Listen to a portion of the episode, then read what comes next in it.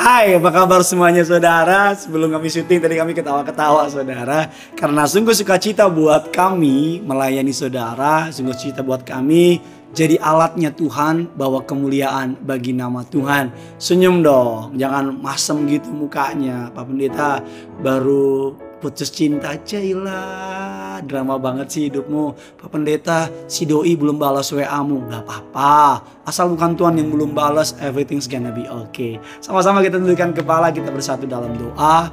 Tuhan Yesus yang baik Tuhan Yesus yang kami kasihi kami berterima kasih untuk kebaikanmu dalam hidup kami. Kami siapkan hati kami sambut kebenaran firman Tuhan. Pakai hambamu jadi berkat pakai juga jemaatmu untuk diberkati. Kami berdoa agar renungan singkat ini boleh menjadi berkat bagi setiap kami. Di dalam nama Tuhan Yesus, setiap kita yang siap diberkati, sama-sama kita katakan, Amin. Masih dalam sebuah series mengenai Natal, The Seven Word of Christmas. Tujuh kalimat mengenai Natal. Masih ingat belum? Yang pertama bahas apa? Salvation. Betul sekali. Yang kedua kita membahas mengenai apa saudara? Ayo apa yang kedua? Ayo, ah ya kan? Saya sudah lupa kan? Iyalah, saya juga lihat dulu. Favor atau kemurahan Allah. Dan yang ketiga bicara mengenai bless atau diberkati. Dan yang keempat, kita akan membahas mengenai guidance atau tuntunan. Kita akan belajar dari Injil Matius 1 ayat 19 sampai 20. Karena Yusuf suaminya seorang yang tulus hati dan tidak mau mencemarkan nama istrinya di muka umum, ia bermaksud menceraikannya dengan diam-diam.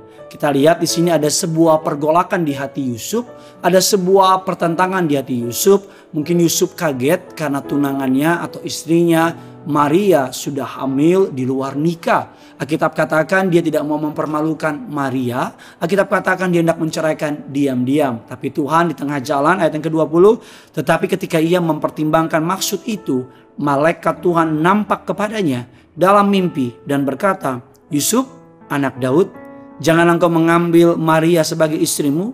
Sebab anak yang di dalam kandungannya adalah dari Roh Kudus. Di tengah-tengah kebimbangan Yusuf, di tengah-tengah pertentangan hatinya Yusuf, Allah muncul dalam hidup Yusuf melalui perantara malaikat dan berkata, "Jangan takut, ambillah Maria sebagai istrimu karena anak yang ada dalam kandungannya adalah dari Roh Kudus." Hari ini mungkin saudara sedang bingung menghadapi pilihan dalam hidup saudara, jalan mana yang harus saudara pilih, langkah apa yang harus saudara ambil, atau bagaimana saya mengambil keputusan, what should I do, apa yang harus saya lakukan. Kita lagi belajar firman Tuhan, Injil Matius 2 ayat yang ke-13 mengatakan demikian. Setelah orang-orang majus itu berangkat, nampaklah malaikat Tuhan kepada Yusuf dalam mimpi dan berkata, Bangunlah, ambillah anak itu serta ibunya, larilah ke Mesir, dan tinggallah di sana sampai aku berfirman kepadamu, karena Herodes akan mencari anak itu untuk membunuh dia.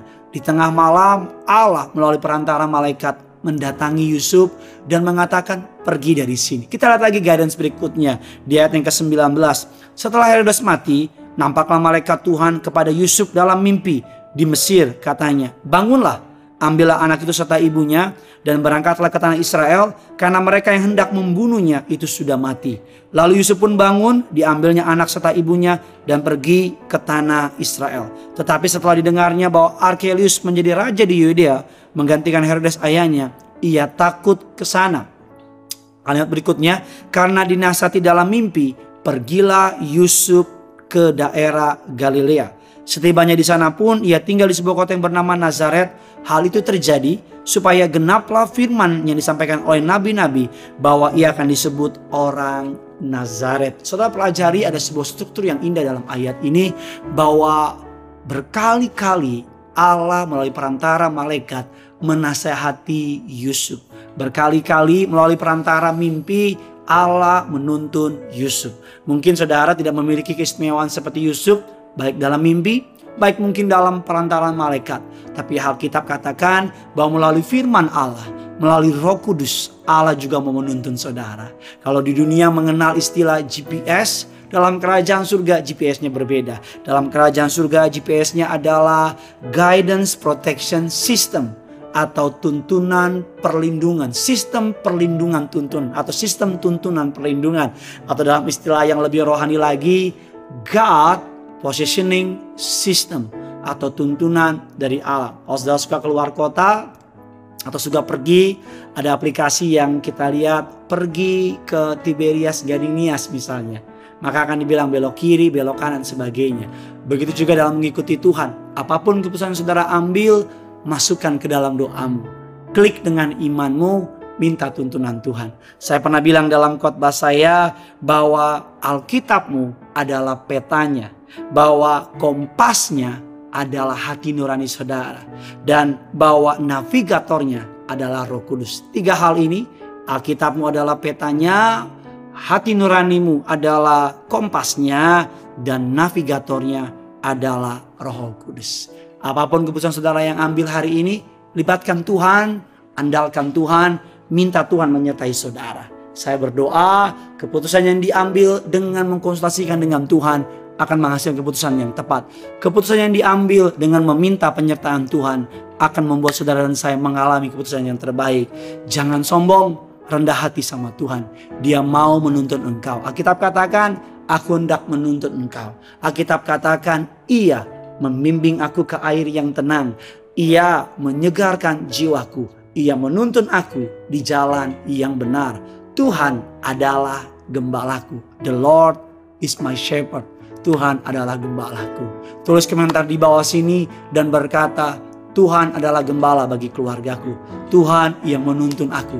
Agar Natal ini sama seperti Allah menuntun orang majus. Sama seperti Allah menuntun Yusuf dan Maria. Sama seperti Allah menuntun para gembala.